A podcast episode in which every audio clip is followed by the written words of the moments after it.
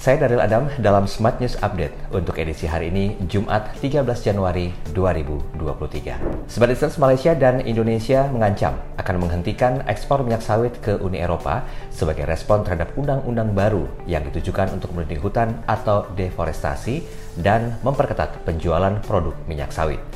Aktivis lingkungan disebut menyalahkan industri kelapa sawit atas maraknya pembukaan hutan-hutan hujan Asia Tenggara Meskipun Indonesia dan Malaysia telah membuat standar sertifikasi keberlanjutan wajib untuk semua perkebunan. Presiden Joko Widodo dan Perdana Menteri Malaysia Anwar Ibrahim juga sepakat untuk memerangi diskriminasi terhadap kelapa sawit dan memperkuat kerjasama melalui CPOPC. Berita selanjutnya, Badan Pengatur Hilir Minyak dan Gas Bumi menegaskan pengisian BBM bersubsidi, yakni jenis Pertalite dan Solar, tidak bisa lagi berpindah-pindah SPBU. Anggota BPH Migas Saleh Abdurrahman menjelaskan pembeli akan dijatah setiap mengisi BBM bersubsidi.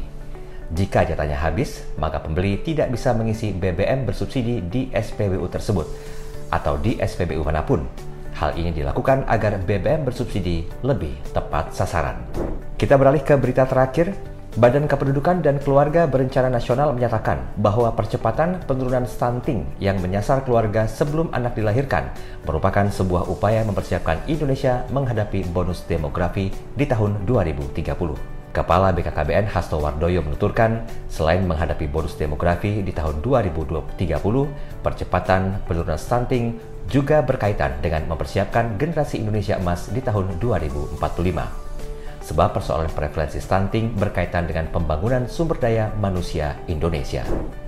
Sekian berita hari ini, sampai jumpa dalam Smart News Update berikutnya.